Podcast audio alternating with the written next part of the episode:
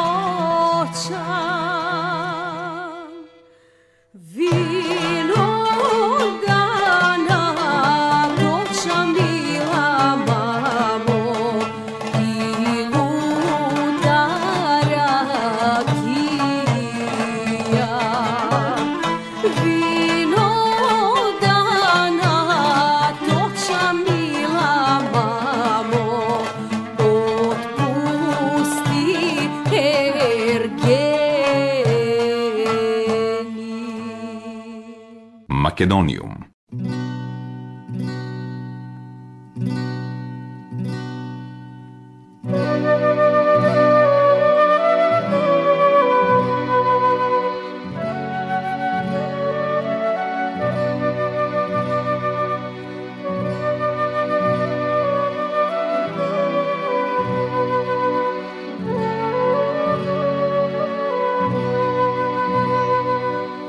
Добар ден и добре дојдовте во најновото издание на емисијата Македониум. Со вас, почитувани слушатели, е вашиот уредник и водител Јулијана Милутиновиќ.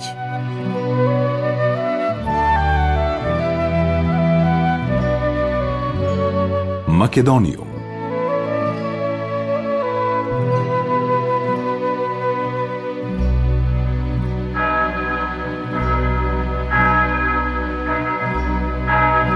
Националниот джез оркестар го најави својот прв концерт под ова име на 23 јануари во Националната опера и балет од 20 часот. Концертот е насловен Джез Нова. Со овој концерт свечено ќе го одбележиме почетокот, односно продолжувањето на нашата работа, но овој пат како национален джез оркестар. На програмата се композиции за биг бенд од македонски автори од различни генерации, така што ветуваме уште еден незаборавен концерт, велат од Националниот джез оркестар. Во декември джезерите, Националната установа балет и опера, Министерката за култура Бисера Костадиновска Стојчевска, вице-премиерот за економски прашања Фатмир Битики и генералниот директор на ТАВ Фатих Кан подпишаа договор за реконструкција и адаптација на просторот, доделен на джез оркестарот кој го доби како траен дом од владата. Просторот од 475 квадратни метри е дел од објектот на Националната опера и балет, за чие реновирање владата обезбеди 10 милиони денари. Македониум Појавната дебата за предлог законот за употреба на македонскиот јазик значително е зголемен бројот на лица кои полагаат лекторски испит, што значи конечно таа празнина ќе се пополни со стручни лица и веќе имаме кандидати што можат да се понудат за трајно вработување во институциите изјави Министерката за култура Бисера Костадиновска Стојчевска во последното гостување на Македонската радиотелевизија. Таа потенцираше дека со новиот закон е зголемен интересот за полагање лекторски испит, како и дека со новиот начин на полагање на хартија, а не електронски како што се полагаше предходно, ќе се подигне квалитетот и интересот на студентите од катедрите за изучување на македонски јазик.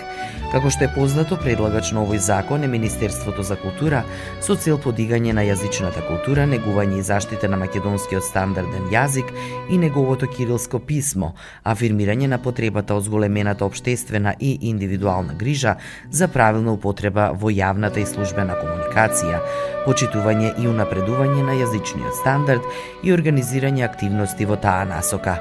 Токму со новиот закон ќе се прошират областите во кои задолжително се употребува употребуваат македонскиот стандарден јазик и неговото кирилско писмо. Ќе се прошири обсегот на задолжително лекторирање текстови што се објавуваат, општите и поединечни акти на законодавната, но и извршната и судска власт, како и единиците на локалната самоуправа, службените документи и текстови на овие органи, но и на јавните установи и институции од областа на културата, образованието и науката.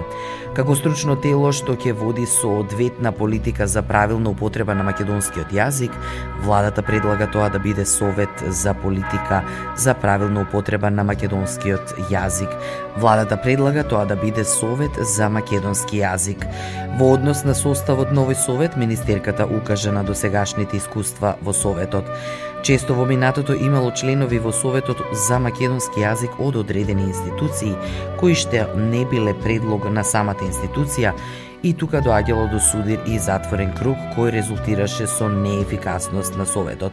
Лично јас, како и одреден дел од членовите, сметавме дека председателот треба да има можност да избере дел од својот тим со кој заеднички понатаму ќе действува, бидејќи со наметнување на членови може да дојде до неефикасност и неажурност на Советот, посочи меѓу другото министерката, додавајќи дека Советот треба да биде ефикасно хомогено тело кој ќе действува заедно и да бидат експерти од областа на македонскиот јазик кои ќе разменуваат мислења.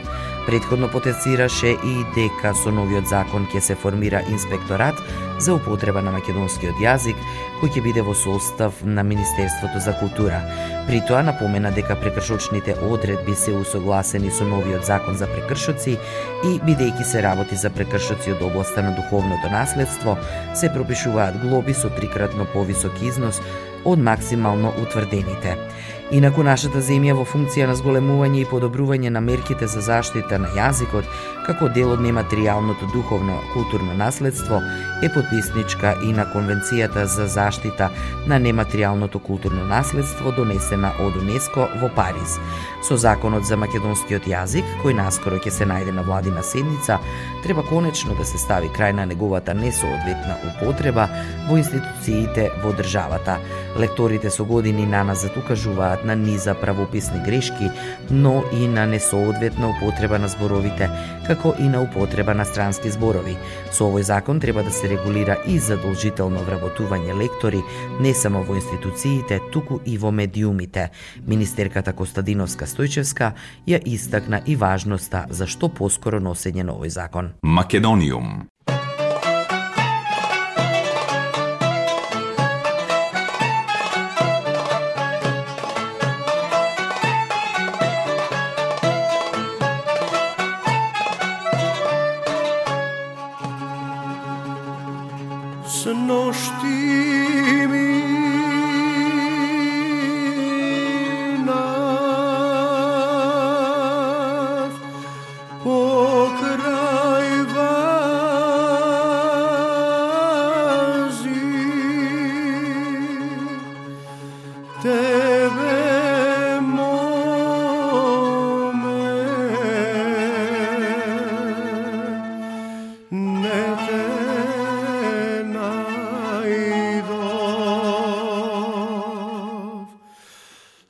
srce mi se rastrepe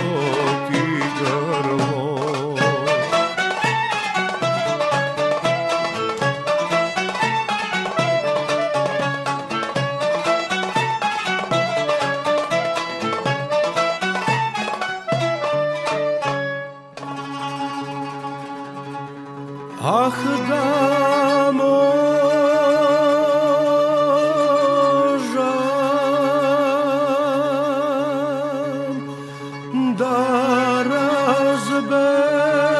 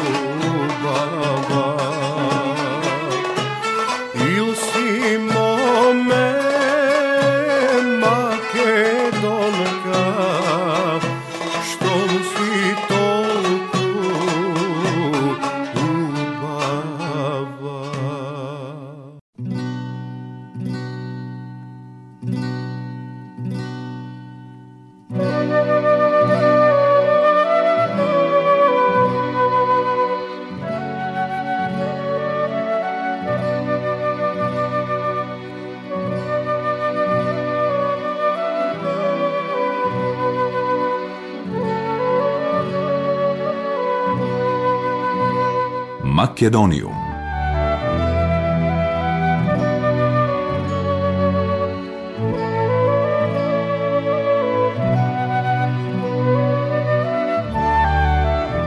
На близу три месеци до председателските избори, граѓаните во Република Северна Македонија се уште не знаат за кого ќе треба да го дадат својот глас на 24 април, кога треба да бидат закажани председателските избори. Деновиве лидерите на партиите единствено што информираат е дека кругот се стеснува и дека е почнато предлагањето кандидати за председател и пратеници. Не се познати дури и сите лица кои ќе партиципираат во техничката влада, која што треба да биде избрана следниот викенд на 27 и 28 јануари. Ке имаат ли време граѓаните да ги запознаат кандидатите за председател на државата, доколку тие бидат промовирани на крајот на следниот или почетокот на март, како што се најавува. Или може би кандидатите и се веќе познати на јавноста, така што нема потреба од долги воведни запознавања на граѓаните со идниот татко или мајка на нацијата. Во јавноста веќе се шпекулира со повеќе имиња, иако партиите не сакаат јавно да соопштуваат кои кандидати се влезени во најтесниот круг. Дури ни актуелниот председател Стево Пендаровски се уште не зборува и не соопштува дека ќе се кандидира за уште еден мандат. За некои од кандидатите веќе одамна се зборува дека типуваат на одредени позиции, а тоа станува очигледно по начинот на кој тие се представуваат како на официјално настани, така и на социјалните медиуми. Премиерот и председател на СДСМ Димитар Ковачевски изјави дека во СДСМ е почната процедурата за предлагање можни кандидати за председател на државата и за пратеници, зашто изборите се закажани на 8 мај, кога би можело да се одржи и втор круг председателски избори. Тоа е статутарно пропишана и штом ќе заврши ќе може да бидат споделени имињата со повисоките органи на партијата. Прво оди во местни организации, потоа во општински организации и потоа доаѓа извршниот и централниот одбор. До тогаш имињата не се коментираат, бидејќи има поширока палета на имиња. Имаше медиумски напис за можни имиња, еминентни имиња, кои биле разговарани на овие состаноци, рече Ковачевски, вчера во Шуто Оризари. Лидерот на ВМРО ДПМН Христијан Мицковски во телевизиско интервју повтори дека се уште прават анализи за кандидати, кругот е потесен и ќе бидат соопштени на конвенцијата на 2 март.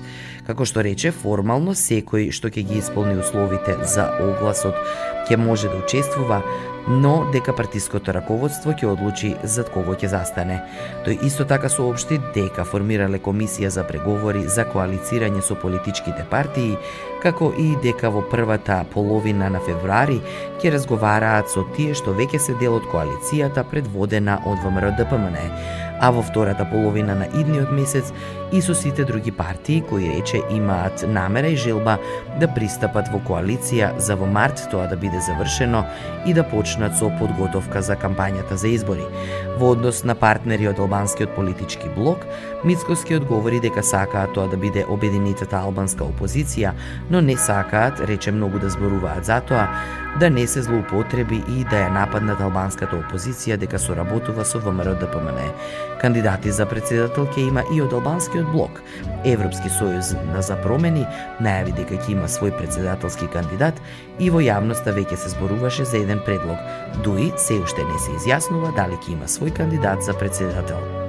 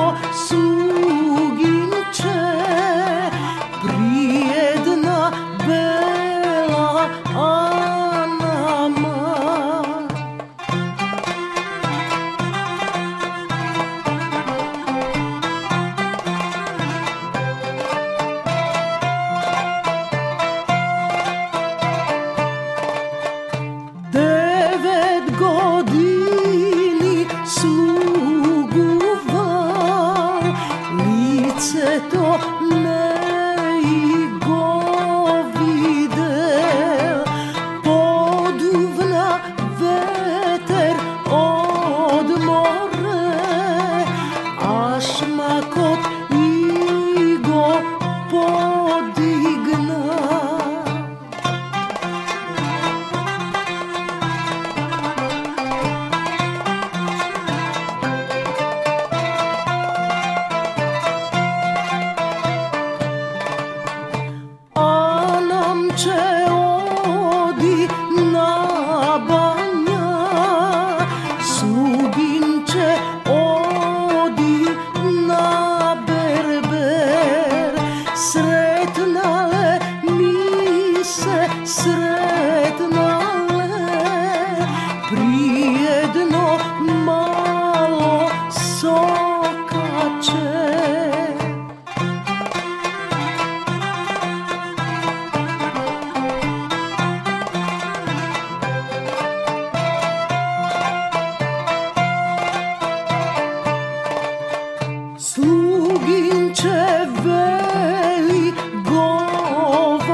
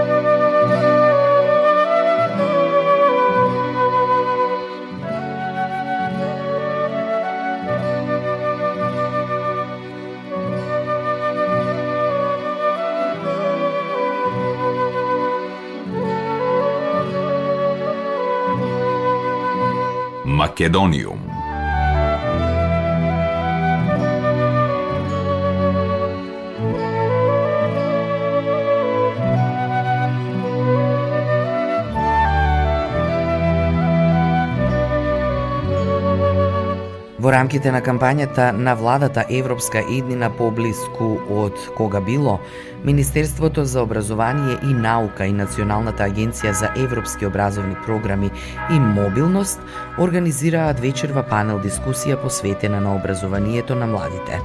Темата е младински перспективи, подобрување на квалитетот на македонското образование преку интеграцијата во Европската Унија. Воведно обраќање ќе има министерот за образование и наука Јетон Шакири. На панел дискусијата ќе учествуваат директорот на Националната агенција за европски образовни програми и мобилност Марко Ѓоргиевски, Ѓорги Тасев, советник за млади на председателот на владата, Давид Дамјановски, председател на Комисијата за надворешна соработка при Универзитетското студентско собрание на УКИМ и Благица Ефтимова, проектна менеджерка и координаторка на ЦЕТ платформата. На панел дискусијата ќе бидат презентирани можностите и перспективите за младите, достапни преку програмите на Европската Унија за размена и соработка со европските образовни институции. Присутните ќе имаат можност да разменат и добијат повеќе информации и за потенцијалните придобивки што членството во Европската Унија ќе ги донесе во насока на подобрување на квалитетот на македонското образование, зголемување на вработливоста кај младите, заекнување на диалогот од најразлични теми и помош за издигнување на младинскиот активизам. Кампањата на владата Европска иднина поблиску од кога било има за цел да истакне придобивки од евроинтеграцијскиот процес и членството во Европската Унија за граѓаните на Северна Македонија. Кампањата ќе овозможи и подобро разбирање на реформите врзани со евроинтеграциите и приближување на европските вредности. Панел дискусијата ќе се пренесува во живо на каналот на владата на YouTube.